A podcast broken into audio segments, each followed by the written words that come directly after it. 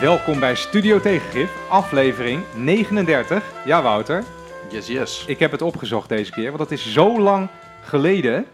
Ehm, want het, we hebben vakantie gehad, maar er zijn ook hele grote, belangrijke dingen gebeurd, Wiemar. Ja, eh, de vorige keer toen wij eh, aan het opnemen waren, toen eh, was mijn vriendin zwanger, volgens mij. Oh nee, toen had ik net nog een kind gehad, maar dat had ik niet verteld. Ik heb, ik heb een kind gekregen, een dochtertje.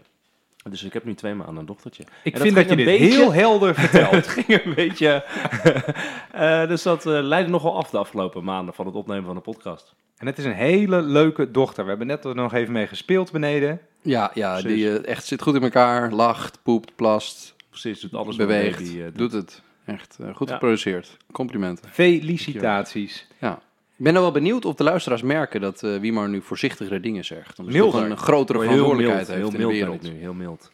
Dus ik zal eh, me minder heftig uit laten vallen. Nou, Ja, ik vind dat eigenlijk dat jij verbazingwekkend weinig ehm, dingen hebt gezegd, zoals, ja, wat zeggen jonge vaders altijd? Hoe bijzonder het is en dat je je opeens allemaal dingen beseft en zo en dat je dat soort, dat soort weken teksten. Ja, kan wel hoor. Als je dat wil, kan ik dat even nu allemaal vertellen. Maar dat, nee, Maar dat heb je wel zeker. ervaren. Zeker joh. Ja? Je voelt je. Je bent meteen eh, emotioneler en weker. Je gaat allemaal dingen realiseren. En eh, ja, het is echt heel, eh, heel bijzonder om mee te maken. De hormoonhuishouding gaat helemaal door het dak. Ongelooflijk. En Wouter zit te knikken. Die heeft het ook wel eh, Ja, ik zeg ervaren. altijd dat je twee soorten mannen hebt. Mannen die ooit een bevalling hebben meegemaakt en mannen die het niet hebben meegemaakt.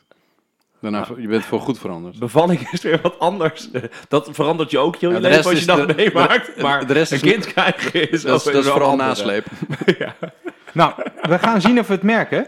Ehm, en ik hoop dat het, eh, dat het niks doet met onze geweldige rating in elk geval. Want Wiemar, je had Hé, maar wat hebben jullie gedaan? Want ik, het is niet alleen mijn schuld dat we twee maanden geen podcast hebben opgenomen. Ik wil het wel over de schuld delen. Nou ja, vakantie. Gewoon eh, op de camping gezeten en zo. Ik ook, Ja. op de camping. In de horrorhitte. Maar jij bent naar Frankrijk geweest. Ja, zeker. En eh, jij bent ik ben naar Noorwegen geweest. Ja, Noorwegen, precies. fantastisch land. Niet zo warm, dat is fijn. Ja, dat is tegenwoordig een pre, hè? Ja, ja. Het was, waar ik zat was het ook echt eh, 42, 43 graden. ja, dat moet je niet hebben. Ja, is niet goed. Ik ben opeens heel erg tegen klimaatverandering nu ook. Gewoon meer gewoon als inhoudelijk tegen. Dat gewoon, dat moet niet. Nee, dat is gewoon een foute boel. Oké. hey, Wiemar, jij had voor, ook, al- ook al voordat je vader werd, had jij een soort obsessie ontwikkeld met de rating van deze podcast. Ja, zeker. En eh, toen heb jij eindeloos vaak eh, de oproep herhaald ons eh, goede ratings te geven. En kan je misschien even vertellen waar dat in heeft geresulteerd? Het heeft er heeft goede resultaten opgeleverd. Eh, namelijk dat we nu een 5 uit 5 krijgen bij eh, dus dit, eh, de Apple eh, podcast gebeurtenis. Ik vind dat uitermate ongeloofwaardig, en het is echt gezegd. 5 uit 5. En dat is dan wel boven afgerond. Het is Noord-Koreaans. Ehm, maar het is wel echt een hele goede score. En ook leuke nieuwe beoordelingen erbij. Eén wat echt wel leuk was, dat misschien weten luisteraars nog. We hadden gevraagd aan een Orot. Orot.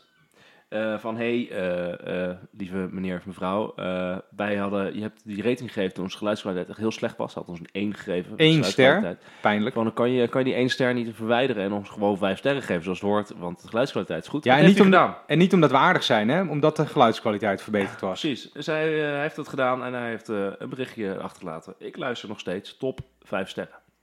Hartstikke mooi. En we moeten nog iemand bedanken, René Cuperus, als eh luistercijfer kanon van de vorige aflevering voor de zomer. Eh, die gaat ook door het dak. Hoe heette Ja, die aflevering ook alweer? Eh, hoe heet die aflevering ook weer? Iets met de razende vraag. elites. Ik ben, het, ik ben het kwijt. René Cuperus over het heilige project Europa en de voortrazende elites. Zeker, ja. dat kan goede dus door het dak gaan, zo'n zo'n aflevering. Het is ook bijna literatuur. Hè? Ja, ja, Bijna. Poëzie. hey, jongens, ehm, genoeg geleuter. Eén huishoudelijk dingetje nog. Er was iemand die in de recensies iets had gezegd over dus nog één iemand die kan ik niet zo goed verstaan. Nou, dat hebben we ook proberen te verhelpen, want we hebben voor deze keer speciaal uit een land aan het oosten van eh oostelijk halfrond hebben we een nieuwe microfoon laten komen. Dus we hebben nu drie precies dezelfde microfoons. Ja, dat is, dat is dus een voordeel of een nadeel, want je hoort dus nu Randy beter. Nou, hier naar Ik kijken. kan Randy nu nog bij horen. Wat een goede, ja, goede grap. Wat Een goede grap toch, Wouter? Ja, ja, ja. Ja, zeker. Was goed. Ja, mocht je nog een eh, carrière als komiek overwegen, dan zou ik nog niet eh, de baan opzeggen. hey, laten we het even over eh de Ren- gekte hebben. Ik, moet ik wil nu even zeggen dat Randy heel trots is, want hij heeft heel veel fans op Twitter die hem grappig vinden. Dat klopt, ik, er werd net gezegd dat ik grappig was. Ja, Ja. dat- Ja, weet je, je moet, dat gewoon, je moet er geen vragen bij stellen. maar Twitter is het riool van, eh, Oké. Wouter, jij gaat ons vertellen over Boris Johnson. Oh ja, ja, de gekte van de week. Nou, we kunnen er eigenlijk niet omheen. Want vorige week is iemand... eh, nou, eigenlijk in de Verenigde Staten waren ze bezig met een soort experiment. Wat als we nou eens iemand die van zichzelf een carrière heeft gemaakt... en die eigenlijk niks vindt, gewoon de president maken... Toen dachten ze uiteindelijk in Groot-Brittannië van, nou, misschien moeten we dat ook proberen. En dit was een figuur die waarschijnlijk heel veel mensen al eh, best wel een tijdje volgden, want die was er heel goed al in sinds het begin van zijn carrière om op te vallen. Boris Johnson. Eh, bij de Olympische Spelen hing hij opeens aan een draadje als burgemeester van Londen. Eh, op een gegeven moment... eh, Letterlijk aan een draadje. Letterlijk aan een draadje. En het was iemand die kon je in iedere reality show van de UK terugvinden. Niemand wist eigenlijk wat hij vond. Want toen hij burgemeester van Londen werd, was hij voor de, de, de mondiale mensen en, en business in Londen, bladibla. Toen hij voor Brexit was, was hij voor de gewone man. Ehm, het is een, een politicus die ook wel eens eh, in, in interviews heeft laten terugkomen dat het hem eigenlijk niet zoveel uitmaakt wat hij moet verkondigen, als het maar erom gaat dat hij het mag verkondigen. Eh, een, een heel leuk feitje vind ik bijvoorbeeld bij hem dat hij voor iedere optreden dat hij doet, zijn haar extra in de war doet en zijn jasje een heel klein beetje scheef trekt, eh, om het te laten lijken alsof hij eigenlijk zich niet goed voorbereid heeft. Briljant. Eh, dit- en dat doet hij dus al jaren. Hij, doet altijd, hij wil altijd overkomen als van, ja, ik ben gewoon eh, een van jullie. Ik, doe, maar ik vertel je maar wat. Ik heb er helemaal niet over nagedacht. Het is wat ik vind, nu. Ehm, en die man is dus eh, eh, prime minister van de UK geworden. En we hebben net met z'n drieën de, zijn, eh, zijn sp- intro speech zitten kijken. eh, nadat hij eh, Op straat, dat is ook zo'n leuk Ja, detail. op straat... eh, voor Downing Street. nou, ik denk dat dit wel ook weer een nieuwe fase is in het, eh, het soort Europees populisme en, en de gekte die we eh, langs zullen gaan zien komen. Ehm, waarbij wat we in de UK hebben zien gebeuren rondom de, de martelgang van Theresa May rond de Brexit. Ik denk dat de gekte nog niet ten einde is. Ik denk dat het een Nee, eh, we hebben nu nieuw zo'n hoofdstuk gaat. eh, populistische as, hè, die van eh, aan de Verenigde Staten naar het Verenigd Koninkrijk, naar eh, Oostenrijk, naar Italië, eh, Italië Turkije, gaat. Rusland. Turkije, dat Ja, is, het een is gewoon een olievlek die het uitbreiden is. as die door, eh, door de wereld gaat. eh, ja. Maar Wouter, duid het alsjeblieft even voor mensen zoals ik. Waarom hebben de conservatieven, want de conservatieven hebben gestemd. Nou, in de essentie is het zo dat er- dat er hebben ze voor, ongeveer die, voor wat- deze meneer met hetzelfde haar Dus als iedere- Trump gestemd? Nou, May, die ging weg en dan eh, is het in de UK zo dat bij de partij die de prime minister mag leveren, ehm, wordt er binnen die partij een verkiezing gehouden. eh, en dat was dus zo binnen de Conservatives en daar heeft eh, Johnson... eh, Ja, dus gewonnen. 100.000 100.000 bejaarden ja, hebben net volgens mij ongeveer 130.000 premier wordt. conservatieve bejaarden hebben besloten voor een land van, eh van eh tig tientallen miljoenen wie de, de prime minister wordt. En ook nog eens wat het interessant is, we hebben net even naar zijn 10 minuten de eh, inauguratiespeech eh, gehouden. Maar daar, dat doet hij eigenlijk twee dingen in. Ten eerste belooft hij gouden bergen voor iedereen. Voor Alles leraren, studenten, Noord-Ieren, eh, arbeiders, eh, Bedrijfsleven transport. en werknemers. Overal gaat geld En naartoe. Bakken. En, dat, en daarnaast eh, neemt hij een hele stellige houding aan tegenover de EU. eh, waarbij hij eigenlijk ernaar hint van, nou, als we er niet uitkomen, prima. Dan, eh, dan, zo- dan zoek je er maar uit. Wij kunnen het allemaal wel leiden. Dat was al tij, tijdenlang zijn, zijn standpunt. Daarom is hij ook ooit op, opgestapt als Minister of Foreign Affairs. Omdat hij vol- naar, volgens zijn woorden zijn, nou, niet vond dat hij de lijn van May kon volgen rondom Ja, en hij zei heel duidelijk, eh, die backstop, no way. We gaan Ja. niet praten als die backstop niet van tafel gaat. En die 40 miljard, eh, die kunnen jullie wel vergeten als we geen deal hebben. Die nemen we mee. Ja, dat, dat zegt hij nu ook weer in die speech. Van, eh, dat Ja. we gaan eh, 40 miljard verdienen. Dat, Ja, als smeermiddel, zegt hij. Lubricant. en wat, wat, wat je telkens terugziet aan Boris Johnson, die pikt hier en daar gewoon wat dingen die hem lollig doen klinken. Dus dat in de Britse havens, in grote Britse transporten, in de, de investmentindustrie, dat ze er allemaal ja, eh, met, met paniek in de ogen afkijken op begin oktober wanneer die deal er moet zijn. Dat negeert hij gewoon en hij zegt, het komt goed, jongens, we gaan het fixen. En als we er niet uitkomen, dan komt het ook heel goed, dan worden we rijk. Eh, en het, weet je wat het, het gekke is? Ehm, de, het spannende gaat wezen of de gewone Brit, die, die woont niet in Londen of in, eh, in een grote stad, die is niet een investeerder, die, dat die is een arbeider ergens in, eh, in een kleinere stad daar, eh, of die dit pikken van deze clown. Tuurlijk. Ja, dat- vind ik super interessant. joh. Hij is heel populair. Hij, hij is gekozen ook omdat hij dus wordt gezien als iemand die dus met die Nigel Farage echt duidelijk de competitie aan kan. Dat hij al die Brexit-stemmen binnen kan harken. En dat hij veel populairder is dan eh, Jeremy Corbyn. Dus hij, eh, het wordt echt bedacht, want deze man gaat bij de volgende nationale verkiezingen, die hij waarschijnlijk, denk ik, uit gaat schrijven nadat hij een vette, knallende ruzie heeft gehad met, eh, met de Europese Commissie, wie dat dan ook mag zijn. Daar gaat hij een enorm theater van maken, zodat hij kan zeggen, die net Salvini de hele tijd doet, hè, over die begrotingsregels in Italië, van eh eh, Brussel is een vijand. Zo gaat hij ook nog een keer doen. Knallende ruzie, veel theater erbij, tv-shows, noem het allemaal maar op. En dan verkiezingen uitschrijven en die een glansrijk, eh, glansrijk winnen. Ik, ik, vind, ja, ik denk dat hij Word je daar dat somber van? heel- ik word er wel somber van. Aan de andere kant kan ik wel, wel bewondering hebben.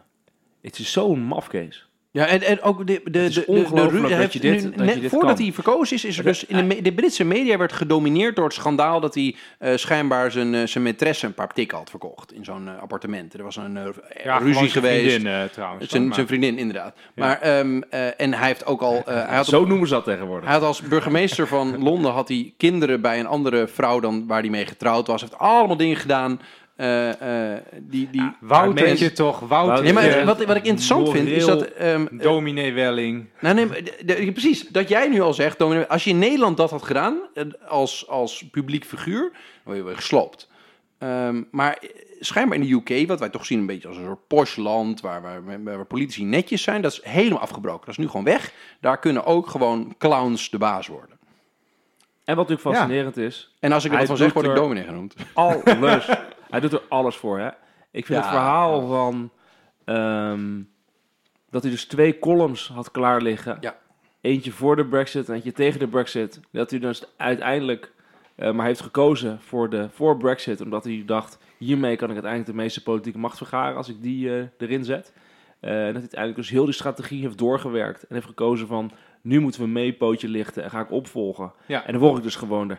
Het is ook ongelooflijk hè, dat, dat er geen discussie is of daar dus de regering moet vallen en de nationale verkiezingen uitgeschreven moeten worden. Misschien is de discussie er wel, maar echt in de marge.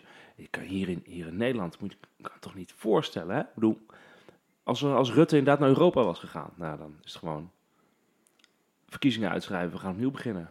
En daar Ja, is maar gewoon ik- ik doorgaan. snap dat wel. cultuur daar, maar Als je de macht hebt, dan ga je dat gewoon niet weggeven als dat niet nodig is. Als jij de macht binnen de partij kan houden, dan Ja. doe je dat gewoon. Ja, ze hebben natuurlijk ook dan meerderheid en zo. Ja. Ja. Maar ik ben heel benieuwd hoe het gaat. Ik ben heel benieuwd gaat. Ik, denk ook, eh, ik ben ook benieuwd of we nu echt een brexit krijgen. Eh, gewoon de harde. Of dat hij het nog, eh, nog wat uit onderhandelt. Ik vind, het, ik vind het meest spannend of nou er een soort einde komt aan die, die eh, populistische clowns die de baas zijn. Die eigenlijk gewoon, wa- wa- wat die, waar die voor mij voor staat, is iemand die niks vindt. Dus het is een, die man kan speech als een dol. Echt supergoed. En die, die Maar doet alles vindt, in er zijn privé. mensen die, die vinden dat het synoniem voor een politicus. Een politicus zegt alles en vindt niks. Ja, dat zijn ja. mensen die, dat, die vinden dat. Vind jij dat ook? Eh, vind ik niet, maar ik vind meer dat je ze kan... eh, Ja, wat vind er jij zijn wel eens... Vind jij iets wel? Dan word je geen politicus. nou ja, wij hebben ook een, een premier die zeg maar qua standpunt redelijk flexibel is, toch? In de afgelopen acht eh, jaar dat hij... eh, negen jaar dat hij premier is. Ik vind nog steeds dat hij wel Dus, de schijn ophoudt van eh, redelijk een, een, een bepaalde lijn. Eh, Ja, Ja, oké. dat doet Boris Johnson ook. ja. Ja, dus maar laten we naar eh, Laten de het andere kant gaan. van het politieke spectrum. Is dit In een Nederland, bruggetje? Nederland. Vond je, vond het een leuk bruggetje? Nou ja, eh, stroefjes. Waar gaan we Ja. het over hebben vandaag? Ja. Wij gaan het hebben over de vraag of GroenLinks en de Partij van de Arbeid moeten fuseren. Eh, dit gonste natuurlijk al, al een poosje rond. Ehm, een heel leuk, eh, leuk feitje was waar iedereen, eh, eh, hoe zeg je dat, in een deukoverlag was voor de kieswijzer van de Europese verkiezingen.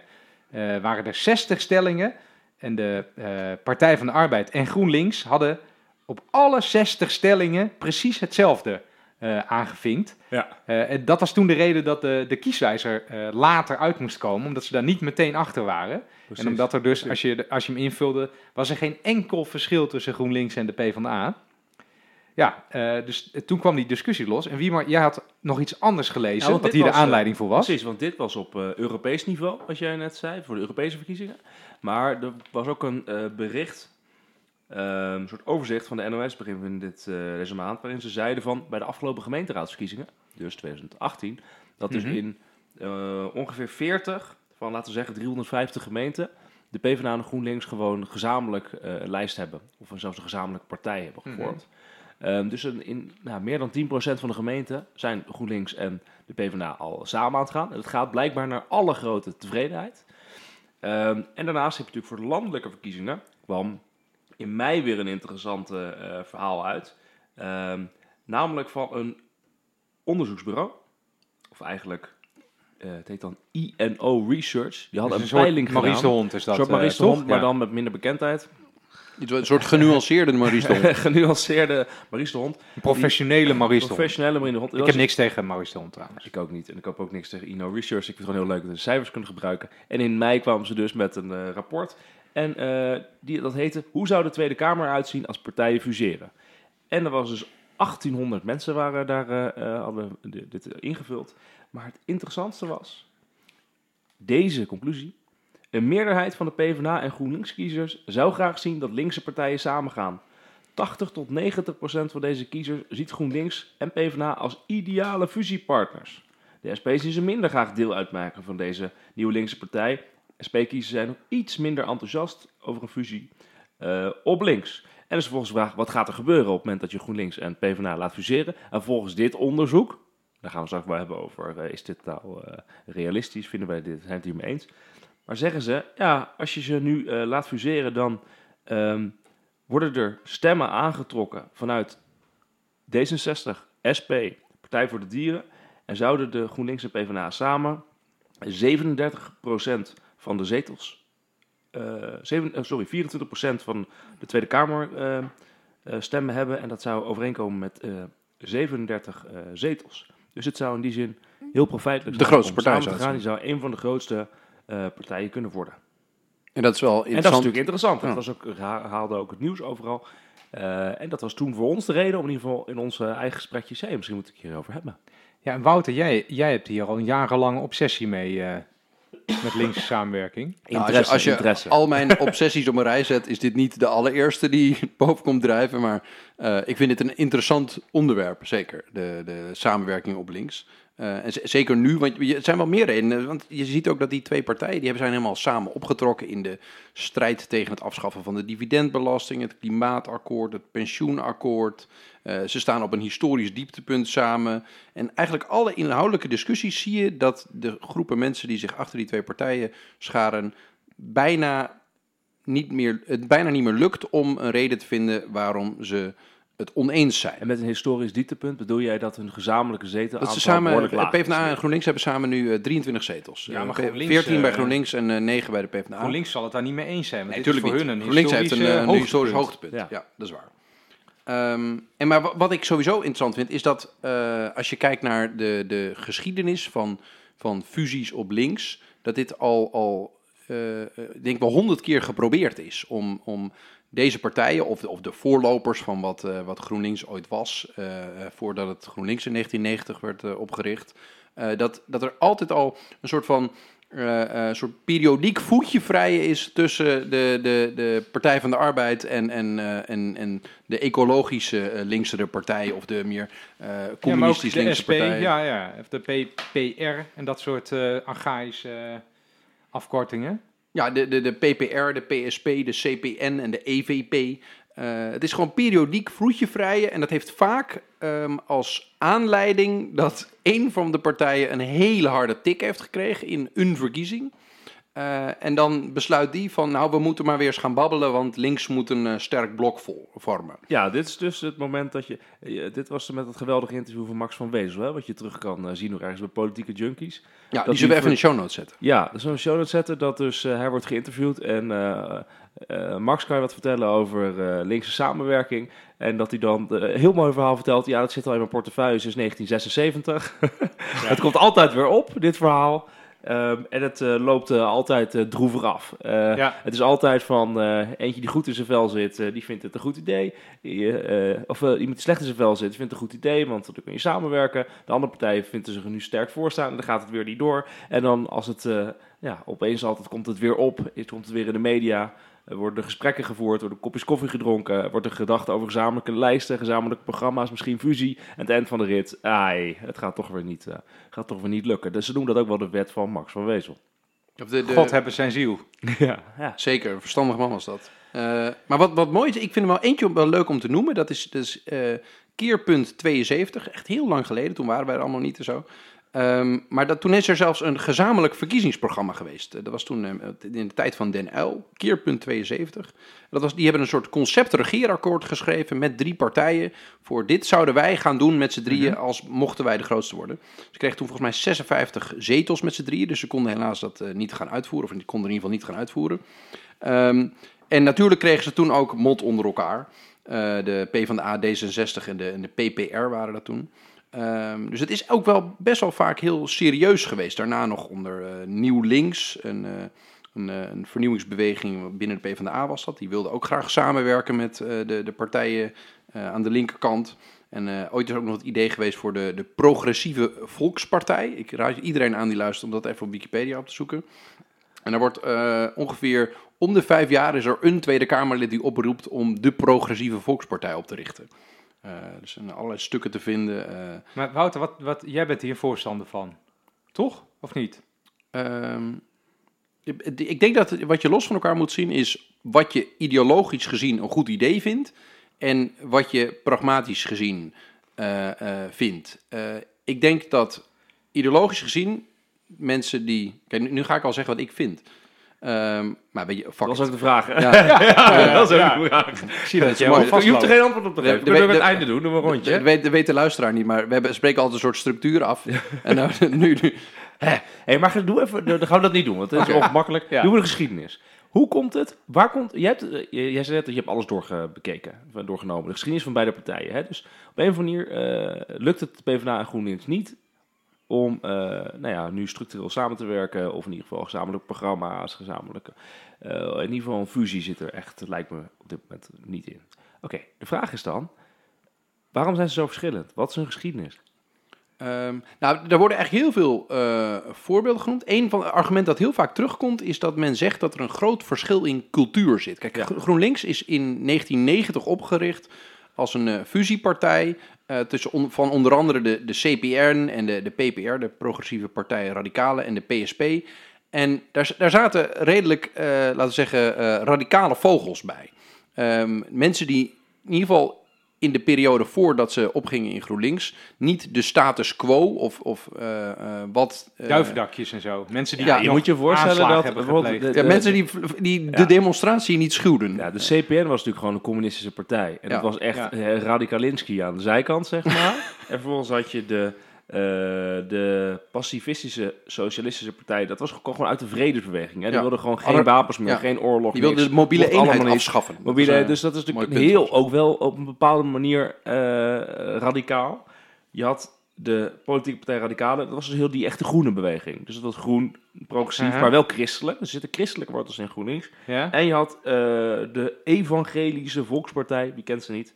Dit was uh, progressief uh, christelijk. En dat was samen. Dat is ooit een, uh, dat is een klein links van, dat. dat. is een kleine afsplitsing van het CDA geweest. Ja, ooit. en dat noemen ze, dat, dat clubje noemden ze, werd een beetje klein links genoemd. En op een bepaald moment, nou zoals Wout zegt, is dat dus gefuseerd. En, maar wacht even hoor, waarom hebben we het hier dan over? Want GroenLinks is zelf ook een fusiepartij. Uh, volgens mij heeft het heel lang geduurd voordat ze ooit weer groter waren dan hun afzonderlijke delen. Ja, dat klopt. Maar wat het leuke is, is dat bij die vier waar dus GroenLinks uit vorm gekomen is. Uh, wat je ziet is dat fusies. Kijk, de meeste partijen in, in, Nederland komen voort uit fusies of uit afsplitsingen. Dat zijn eigenlijk de twee opties. Er wordt bijna nooit iets helemaal nieuws ja. opgericht. Um, uh, het Forum voor Democratie is er een voorbeeld van dat het iets nieuws wordt opgericht, maar het gebeurt echt mm -hmm. niet vaak. Um, uh, het CDA is in 1980 opgericht. Er was een fusie tussen dus, uh, drie uh, christelijke partijen: de, de ARP, de CAU en de KVP, de katholieke en de protestantse tak van de, de christelijke partijen in Nederland. En die zijn gefuseerd uit een soort van noodzaak, omdat ze niet meer uh, de boel in handen hadden als, als christelijke partijen. Dus ze hadden allemaal flinke klappen gekregen. En dat is hetzelfde bij GroenLinks. Die hebben flinke klappen gekregen, die kleine linkse partijen. En op een punt dat ze het allemaal redelijk zwaar hadden, electoraal, is er besloten van jongens, laten we de krachten bundelen. Dan kunnen we een nieuw electoraal elan creëren en uh, spreken we mensen aan. Maar toen hadden ze blijkbaar al een keer dat is al heel vaak voetjes samengewerkt. Hè? Dus ze hadden bijvoorbeeld, ik, ik heb natuurlijk naast het zoeken, in 1984 hadden we, en misschien hebben we het ook gezien, het Groen Progressief Akkoord. Dat was een, dus een samenwerking tussen die vier partijen voor de Europese verkiezingen. Dat ze dus een gezamenlijke lijst, gezamenlijk programma hadden. Uh, dus er was al een enorme samenwerking aan de gang. In 1986 bij Tweede Kamerverkiezingen hebben die partijtjes die toen relatief klein waren. Bij elkaar hadden ze dus 16 zetels ongeveer, hè? Dit, dit, dit blokje. Mhm. Die, die verloren. Ja. En toen in 1989 kwam dus voor de eerste keer, heel veel gedoe, eh, maar uiteindelijk kwam er dus één lijst voor de eh, Tweede Kamerverkiezingen, maar ze was niet gefuseerd. En toen in 1990, eh, eh, toen ze dus al in de Kamer zaten, zijn ze gefuseerd. Dus dat proces van toenadering Dat kost jaren. is- heeft heel lang geduurd. Ja, als ik dit zo zie, is in ieder geval, nou ja, het is het zes jaar, zeven jaar. Dan moet je zo'n zes, zeven jaar moet je gezamenlijk programma's maken, gezamenlijk eh, eh, mensen op een lijst, eh, gezamenlijk eh, eh, ideeën. Gewoon heel veel vergaderen Ja. om het eens te worden. Ik, En dat weet is- je, als ik dat nu hoor, Ja. dan zou ik denken, god, wat een gedoe. Laat dat lekker zitten. Focus je op eh, gewoon politiek voeren. Ja, dat kan. Dat doen ze dus nu ook. Hè? Dus nu gaan ze zeggen PvdA GroenLinks gewoon... we gaan samen nadenken over hoe willen we een pensioenakkoord. We gaan samen Ja. nadenken over een klimaatakkoord. We gaan samen op de afschaffing in van die- dividendbelasting In die peiling, en het is meer dan die peiling, ehm, die peiling die jij net aanhaalde, zegt 80, 90 procent, wat was het? Ja, Eh, doen, hartstikke goed idee. ja, En, van de en ook, kiezers. Ja. en ook de, de, de experts en de, de columnisten, die roepen dat ook. Ehm Diederik Samson, die, eh, die, die had ook nog, een, toen hij nog partijleider was van de Partij van de Arbeid, eh, heeft dat geroepen.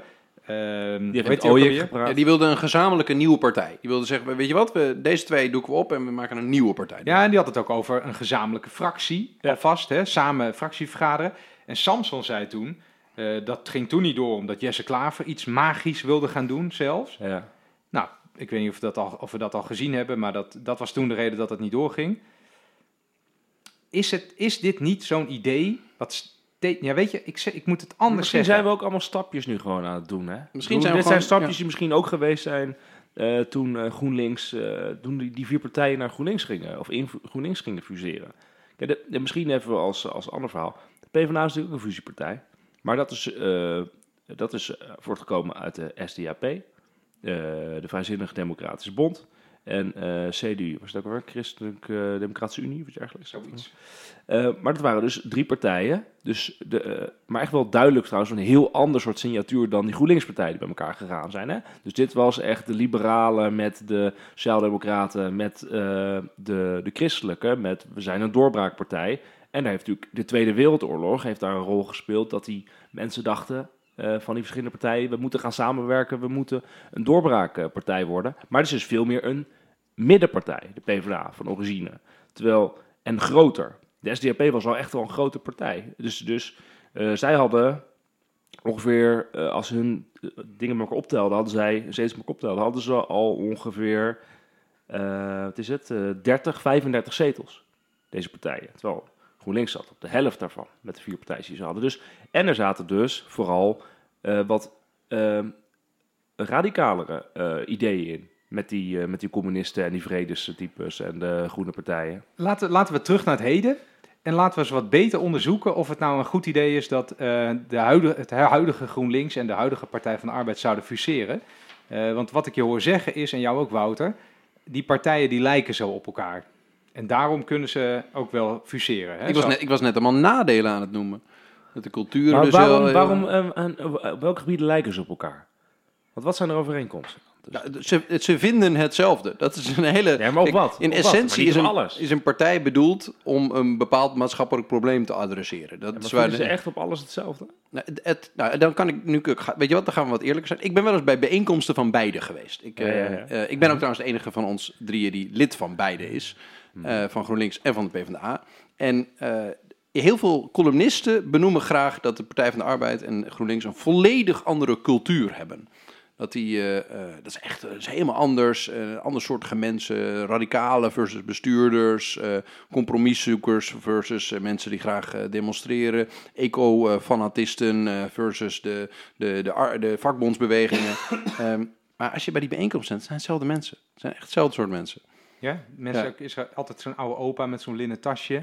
dat Ja, is er zijn, dus- maar dus- niet hoor. je hebt dezelfde lange vergaderingen met een hele lange rij met insprekers waarvan iedereen weet Punt dat, van orde! dat ze iets gaan zeggen wat, wat ze al tien keer gezegd hebben. Je hebt dezelfde manieren dat er, dat er hele vriendelijke mensen zijn die de boel voorzitten en dan gaan er mensen vragen stellen die geen vragen zijn, maar, Maar een dit gaat over opmerking. de procedures. En hoe gaat een, een Het- ik partijbijeenkomst en eh, zijn er Ja. wel of niet eh, mensen van een bepaalde leeftijd met een bepaalde manier van vragen stellen en zo. Maar inhoudelijk, kijk, want dat de Partij van de Arbeid en GroenLinks eh, bijvoorbeeld op sociaal-economisch terrein steeds meer op elkaar zijn gaan lijken, heeft te maken met dat Klaver als opvolger van, zeg maar, Halsema, Sap, van Ooyek echt heeft gekozen Dat van ik wil economisme sociaal-economisch naar links. En ik, eh, dat is wel een verschil, want onder zijn voorgangers waren ze vooral eh, een beetje liberaal.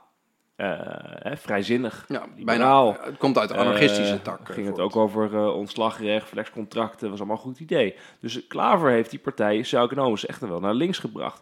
En dat geldt denk ik ook wel voor Asscher nu met de Partij van de Arbeid. Die is ook natuurlijk naar links aan het opschuiven. dus oké, op sociaal-economisch zitten ze op elkaar, maar eh, lijken ze op elkaar, maar op, op andere terreinen. Nou, wat- je dus ziet is dat wij, wat wij allemaal beschrijven als nadelen zijn dingen die wij zien omdat wij in Den Haag rondwandelen en enigszins weten hoe partijen lopen. Dus wat je ziet is dat de mensen die geïnterviewd worden, die kijken naar twee partijen en zien wat die ideologisch gezien vinden, die denken nou, ga maar samen, zo verschillend is het niet meer. Wij weten hoe een partij werkt, hoe zo'n organisatie in elkaar steekt, hoe Kamerleden een bepaalde macht, status en invloed hebben verworven en of ze dat willen opgeven eh, om samen te gaan. Eh, we weten dat er allerlei orgaantjes en baasjes zijn die het belangrijk vinden om hun eigenheid te behouden. Dat het voor een partij voor veel mensen ook gewoon een soort gezelligheidsvereniging is. Ik denk dat je die twee dingen helemaal los van elkaar moet zien. Dat dus de club ehm, en de mensen die de club vormen het leuk vinden om een club samen zijn, dat is één. Maar aan de andere kant is het gewoon, wat is het doel van die club? En het doel van een partij is om een bepaald maatschappelijk probleem aan te pakken.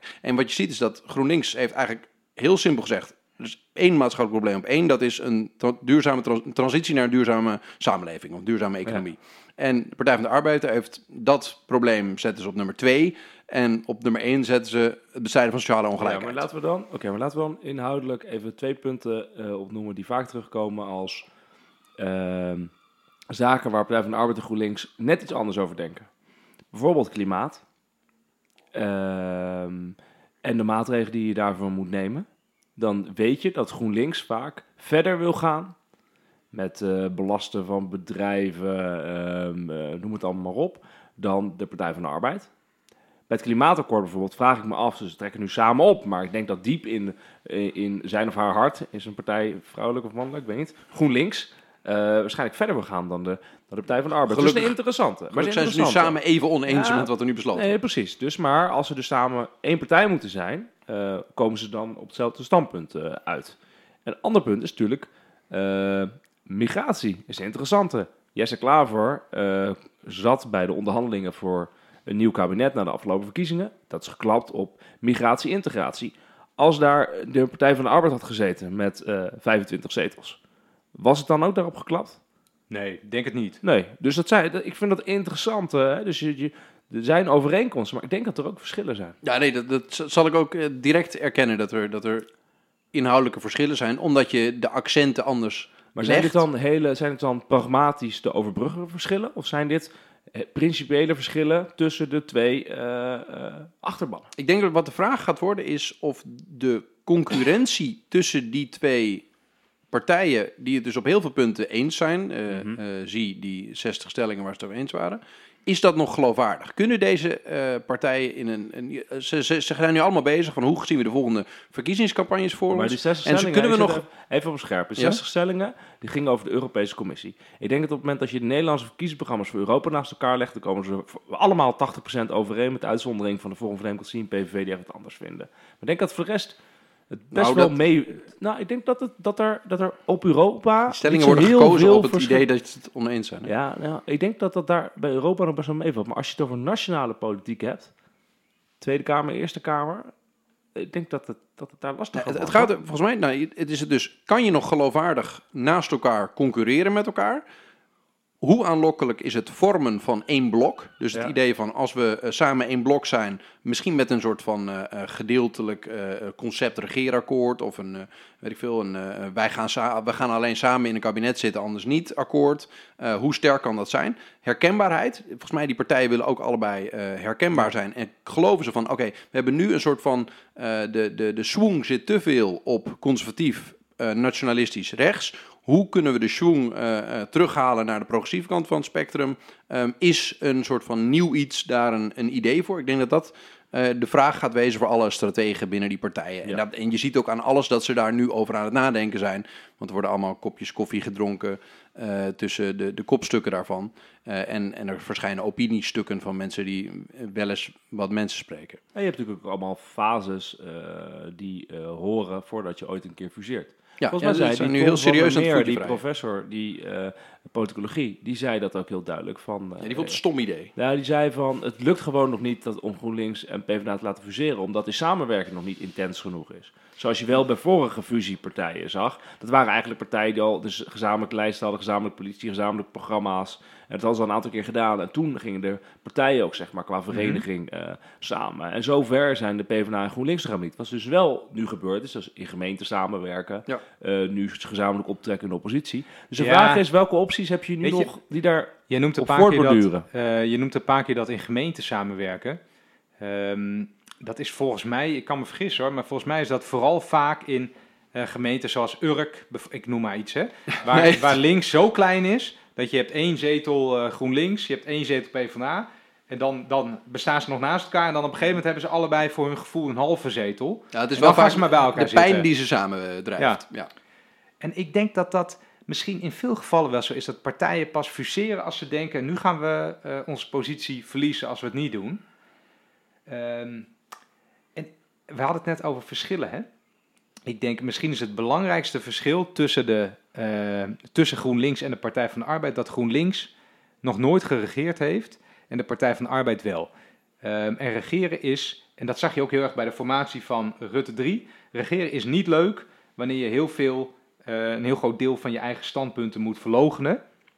En heel lullig gezegd zijn PvdA'ers misschien heel erg gewend om ook belangrijke delen van hun programma toch te verlogenen. In Rutte 2, hè, het was al heel lang duidelijk dat dat toch niet, hè, niet, niet heel links was Als je het ooit nog een keer moet verdedigen voor een camera, zou ik zeggen, we hebben een compromis gesloten.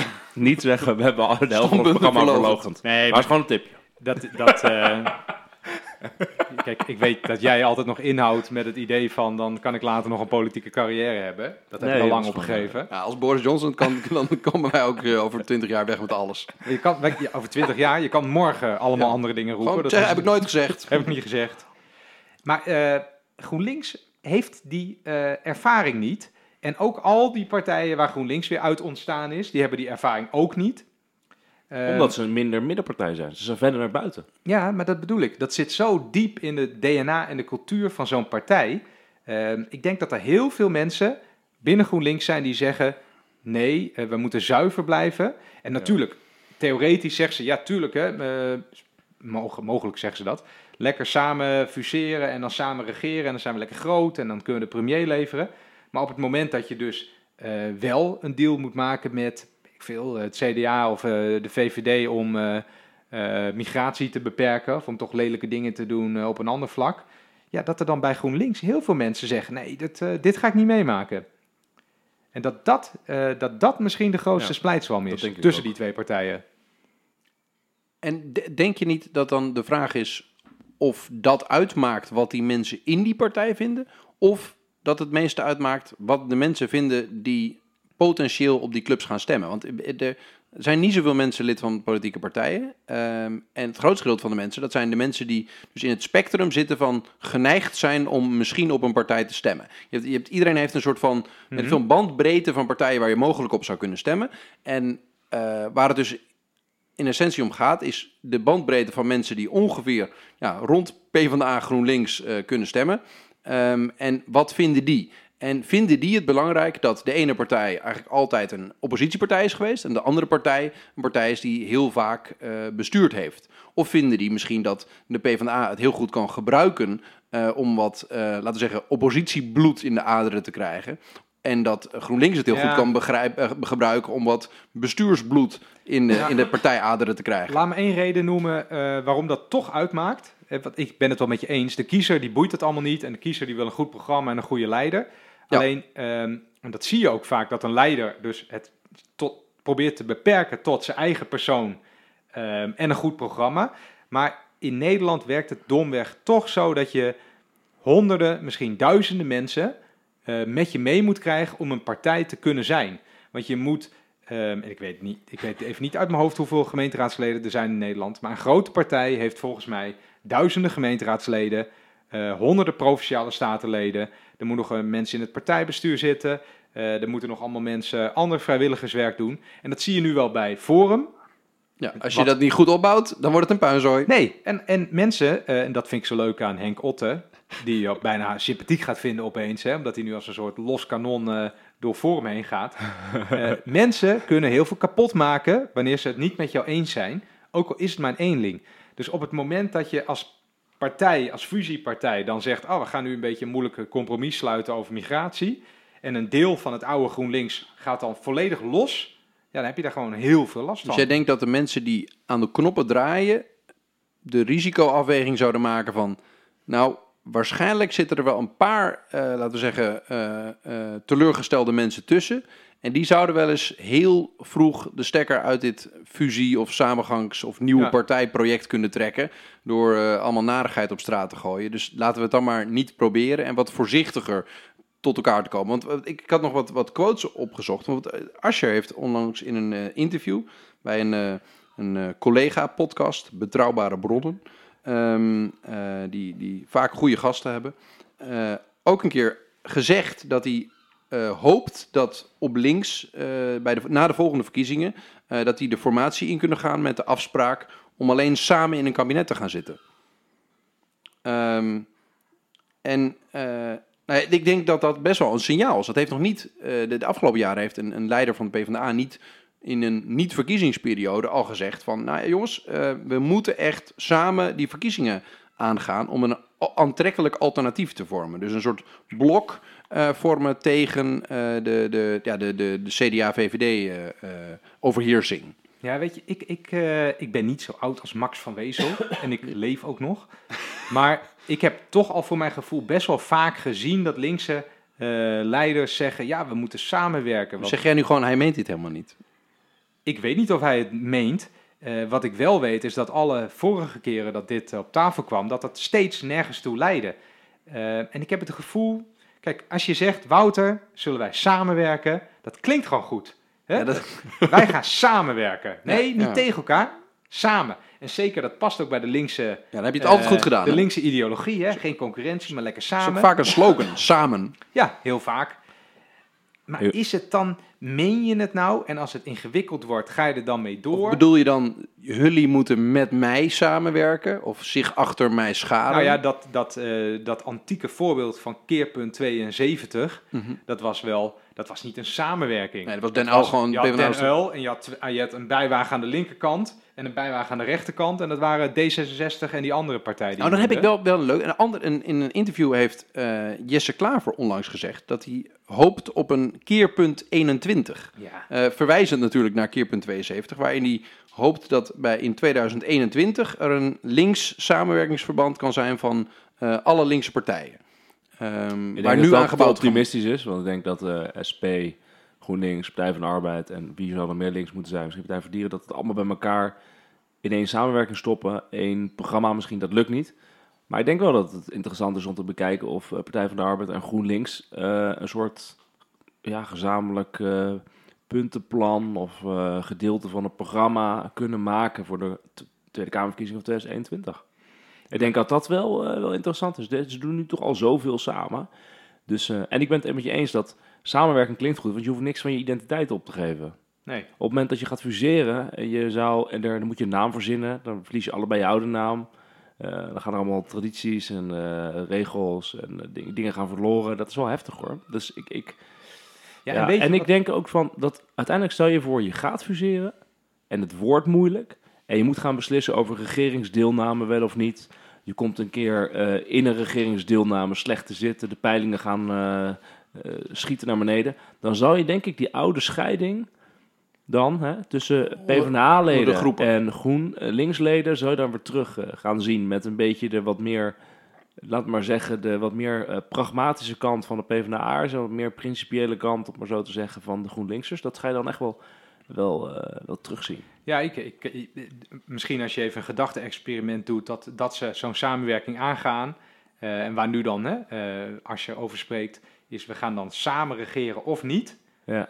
Eh, Stel, je zegt dat, dan ga je de verkiezingen in en dan haalt, ehm, ik roep maar wat, dan haalt de Partij van de Arbeid 30 zetels en GroenLinks 10. Dat is niet hoe de verhoudingen nu liggen, hè, maar ik, ik gebruik even dit voorbeeld, omdat dat historisch vaak zo was. En dan kan de Partij van de Arbeid bijvoorbeeld heel veel binnenhalen in een regering. En dan zegt GroenLinks, "Nou, we, we zien het toch niet zitten. Wat doe je dan? Dan doe je het toch. En dan is discussie. samenwerking alweer kapot. En dat, dat zie je van tevoren aankomen. Want nu zijn ze toevallig even, even groot. En allebei hebben ze een beetje het gevoel van...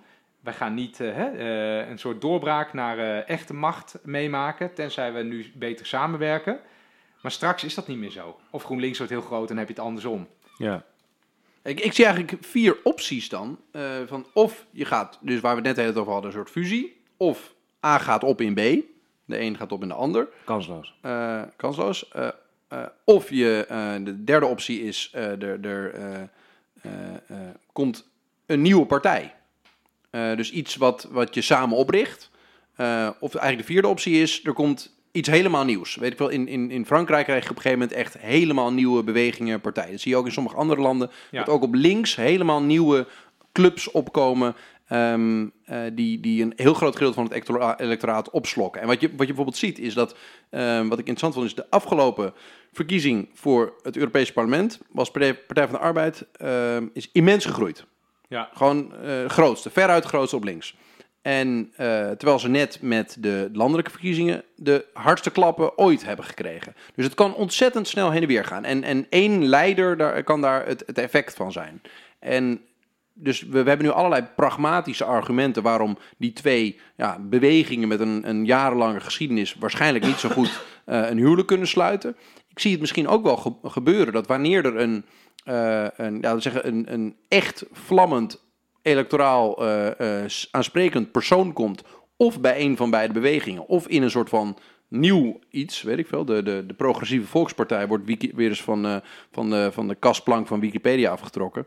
Ehm, dat, dat die het ja, best wel flexibele electoraat van die beide partijen mee weten te krijgen. Want dat, dat electoraat zit grotendeels niet meer vast in één partij. Er zijn, weet ik veel, eh, 20.000 mensen van beide partijen zijn nog lid of zo, of 30.000. Eh, en de rest van de mensen die stemt voor de, de ene keer op de een, de andere keer op de ander. Ehm, of op, misschien op een partij die daar een beetje aan raakt. Dus ik denk dat, dat die partijen ook wel de hete adem in hun, in hun nek voelen van... joh, er kan wel eens iemand opstaan en dan zijn we allemaal de pineut. Denken jullie dat niet? Ja, maar op links eh, voel je op dit moment de energie niet echt. Oké. Ja, dat- je dat- hebt die je, Het jij kabbelt vaak gewoon over lekker. gehad, Randy, maar dat, dat, dat- en dat is, ben ik met je eens. Die, er, er is geen eh, beweging eh, nu of energie om iets naast de GroenLinks en PvdA Nee. op te richten. Alleen de Partij voor de Dieren heb je natuurlijk eh, gehad met een heel kleine niche. Maar voor de rest is dat er niet. Dus dat is het fascinerende. Ik denk dat die ruimte pas ontstaat. En dat is ook een nadeel van een fusie. Op het moment dat GroenLinks en PvdA gaan fuseren tot de progressieve volkspartij. Dan ga je vervolgens, denk ik, een, ehm, een eh, afsplitsing krijgen van een partij die alleen maar met milieu bezig is. Dus dan Nou gaat, ja. er, gaat er iemand gewoon helemaal Ik- eh, eh, op, heb je op al, klimaat, Dat milieu nog verder nog links zitten. Ja, ik Nee, denk dat je de Partij voor de dieren. Dieren heel groot maakt hiermee. Het zou kunnen, ja. Precies, zou ook kunnen. Dus je, de, zo'n fusie eh, laat ook ruimte voor nieuwe alternatieven. Laat je zou, nieuwe je zou vlakken ook, open. ehm, en ik heb, ik heb dat, eh, ik vroeg het net aan jou en je was, je was niet, eh, hoe zeg je dat, blij met die vraag. Maar zelf, Denk je dat lekker? zo'n- Eh, hè? Ja, ja, zelf ben ik niet zo voorstander van zo'n fusie Ja? of, of, een, of een nauwere samenwerking. O- ook gewoon, een weet ik veel, je zegt van we gaan alleen samen in het kabinet of we hebben deze punten willen we allebei in ieder geval. Ja, ik denk dat ehm, wat mensen daarvan verwachten, dat dat eigenlijk een soort magisch denken is. Want de problemen van links, wat Wiemar net zegt, daar zit geen energie. ehm, en ze weten niet welke kansen zich op moeten ontwikkelen. Dat zei hij niet, maar dat zeg ik nu. Ehm, dat los je helemaal niet op met een fusie. Want waar GroenLinks en de Partij van de Arbeid nu beide op vastlopen, want GroenLinks groeit niet door. Hè? GroenLinks was echt ging de wereld eh, veroveren. En dat, eh, dat eh, eindigde toen in 14 zetels bij de vorige verkiezingen. En sindsdien is het ook een beetje daarop blijven hangen. Ja, dat, eh, dat blijft zo. En de Partij van de Arbeid krabbelt nu een beetje op. Je krabbelt in de oppositie altijd een Dat is beetje toch een, op. dat is, ik vind dat een prachtige ja, eh, broeigrond of bloeigrond voor een, een nieuw elan. Dus als je, jij constateert dat het een beetje ingedut is en dat er niet echt een, een, een heel erg een soort van vlammende beweging is. Je hebt in Nederland heb je nu een conservatief kabinet eh, waar deze partijen het onwijs oneens mee zouden moeten zijn. En de, de, de, als je een keer oppositie gaat voeren in je bestaan, dan is het nu samen. Ehm, dus ik kan, nou, als het nu niet gebeurt, dan gebeurt het nooit. Nee, ja, ik zeg ook niet dat het ooit gaat gebeuren. Nee, ik, ik zie gewoon niet wat, wat, eh, eh, wat rationeel het voordeel zou moeten zijn van zo'n eh, fusie. Oh, dat zie ik wel. Ik kan er wel argumenten, maar ik kan ook argumenten voor verzinnen. Ja, er zit hier iemand op het dak. Ik Ja, vind heel, eh, Misschien goed om te weten. ook heel Ja. erg afleiden. Goed om te weten. Hallo buurman. Hallo buurman. Wij zitten hier in een eh, torentje. Zolderkamer. Mijn huis, een zolderkamer. En, eh, daar hebben Ivoren eh, torentje. Eh, Ivoren torentje, precies. Eh, we gaan even door. Wat, wat- wat, wat- interessant, buurman luistert even door Ja. naar de podcast. We hebben in ieder geval één luisteraar. Ja, we hebben één luisteraar. Wat, wat vind Ehm, jij het grootste voordeel van dit? Nou, je hebt dus natuurlijk rationeel een aantal voordelen. Eén is gewoon, je, kan, je hebt met zelf een groter blok. Als je samen gaat, dan hou je in ieder geval, daar ga ik wel vanuit, meer zetels dan de PvdA alleen en GroenLinks alleen. Dus je hebt één grotere partij waarmee je in de formatie mee kan doen. Stop. Dat is hem. Dan kan je in die zin kan je meer binnenhalen. Dus wil ik misschien kan je zelfs de grootste partij worden en kan je een premier leveren. Nu kan zowel ehm, eh, Klaver met GroenLinks dat niet en Asscher met de PvdA dat niet. En heb je dus in die zin geen eh, dominante Dit pakken we even machtsverwerking. Je fuseert en dan word je groter. Ja. Alle fusies in Nederland hebben niet dat effect gehad. Alle partijpolitieke fusies, inclusief het CDA, werden alleen maar kleiner dan de, dan de afzonderlijke partijen daarvoor. Ja, maar dan nog steeds ben je de grootste partij van Nederland. En dat is dan ook meteen letterlijk het enige voordeel. Ja. Want wat je in andere landen hebt, bijvoorbeeld in Engeland moet je een district winnen. Dus als je dan eeuwig tweede en derde bent, dan zeg je we gaan samen en dan worden we eerste en dan winnen we dat district. Dat is logisch. In Duitsland heb je een kiesdrempel. Als je die niet haalt, dan ben je niks. Mhm. Dus als je met z'n tweeën er vlak onder zit, ga je samen, kom je er bovenuit, ben je wel iets.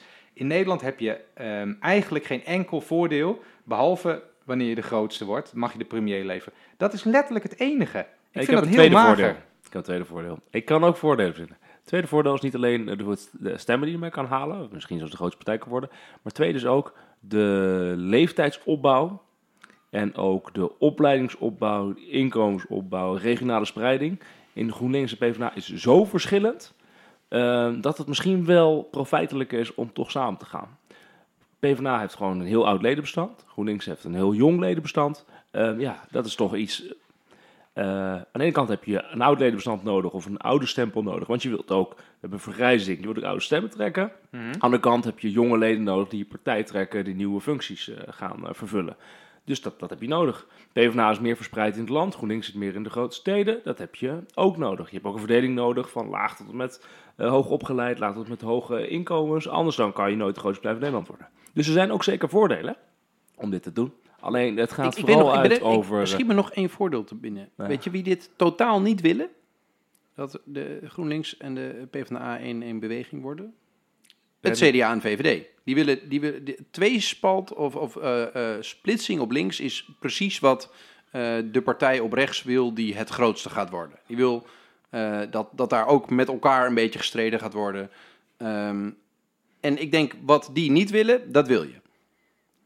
Eh, dus het, het, het is. eh, je kan, als je weet wie je, wie je vijanden zijn, dan weet je wie je, wie je, wie je broers zijn. Ik weet, ik, ik weet niet of ik het ermee eens ben. Want als je mij zou vertellen, ehm, de VVD en D66 gaan fuseren, dan zou ik denken, mooi, lachen. Kon- krijg je eindeloos veel gedoe van. Dan zijn ze jarenlang alleen maar bezig in commissies met elkaar, allemaal dingen afstemmen. Ik denk dat dit En een beetje stichtingen een fuseren. voorbeeld is. Ik denk wel, je- het het levert gezeik op in die zin. het tuurlijk, levert, ja, ja, je verliest ook eh, leden. gezeik, dat, dat je verliest stemmen en je hebt gelijk met één persoon kan meer schade aandoen dan dat één persoon goed kan doen. Dus klopt. Dus er gaan allemaal mensen dan interviews geven en er worden de principes worden verlogend. En het is verschrikkelijk. En wat zijn die PvdA'ers erg, zegt een oud GroenLinks-lid. En wat zijn die GroenLinksers erg, zegt een oud PvdA-lid. Het gaat allemaal gebeuren. Maar aan de andere kant, eh, ja, je, ik denk wel dat je Gewoon rekenkundig. Je kan dan Je meer een half jaar ermee, Ik ja. geloof niet in, de, in die, in die INO research peiling. Hè, dat, er, dat je dan, ik veel, 35 zetels gaat halen. Dat was het 37. Ik geloof er echt geen klap van. Ik denk dat je veel minder gaat halen. Want je gaat gewoon mensen verliezen. Die dan inderdaad misschien naar SP gaan. Of naar, eh, Uh-huh. naar Partij voor de Dieren. Of eh, misschien zelfs eh, D66. Maar ja, ik... eh, Hey. weet je, Gamma en eh, Praxis zijn geloof ik ook van dezelfde eigenaar. Hè? En dan heb je vaak op één parkeerterrein zit aan de ene kant een Gamma en in de andere kant een Praxis. Eh, Ja. Want in de marketing is juist het idee van dat je met twee sterke merken kan je veel groter ja, maar deel er is van de dus één bedrijf. Dus, dus Ja. dat is het lastige. Dit is niet één bedrijf. Het zijn twee verschillende bedrijven met twee verschillende eh, marketing. Dus heb je gewoon een praxis Ja, met en twee een- merken hou je. Ja, eh, ja, maar, ja, maar je- dan moet je wel dus... Dan moet je dus zeggen, Die- die we zijn PvdA de en we zijn. GroenLinks en we doen voor de rest alles samen. Dan ben je één bedrijf. Dus dan ga je inderdaad samen de onderhandelen over een nieuw regeerakkoord. Maak je samen verkiezingsprogramma's. Maak je samen een, een, een politieke strategie. Maar dan moet je dus vasthouden tot, eh, tot, tot, tot, altijd. Ja, de vraag is of dat gaat gebeuren als je afzonderlijke partijen bent. Ik denk het niet. Ik vind één ding wat eh, beide partijen, ik ken ze niet zo goed als jou Wouter, maar wat jij. beide partijen wel... Sorry. eh, jij, Sorry, was een flex. Hij bouwt echt een kind. Ja, dat is, Ja, vreselijk. Taalnatie. ik ken ze niet zo goed als u, meneer Wouter als u ze kent. Eh, Maar bij GroenLinks hoor, je bent beide, jong. beide partijen hebben wel een soort messianistische cultuur, als je Ja. snapt wat ik bedoel. ja, ja, ja. Want, zeker. ehm, en dat, dat is nu met ehm, Lodewijk Asscher is dat wat minder, maar ook daarvoor met Samson en eh, Cohen en wie had je daarvoor? Bos. Dat was iedere keer van, oh, hè, halleluja, de Messias is wedergekeerd. Dat en komt gaat- uit een eh, speech van Asscher. Dat? Ik dacht dat je daar aan refereerde. Die heeft ook een speech gegeven als wethouder van, eh, van Amsterdam. Dat de PvdA leidt aan het Messias-complex. Dat elke nieuwe leider wordt binnengehaald als de Messias Ja. die, die, die de partij gaat redden. Overigens heeft hij zelf wel meegemaakt Hij was dat zelf... dat niet zo was. Hij was de eerste die niet zo binnen werd gehaald. Maar en GroenLinks heeft dat, Dat ook voelde heel erg. aankomen. Wat een inzicht. Ja.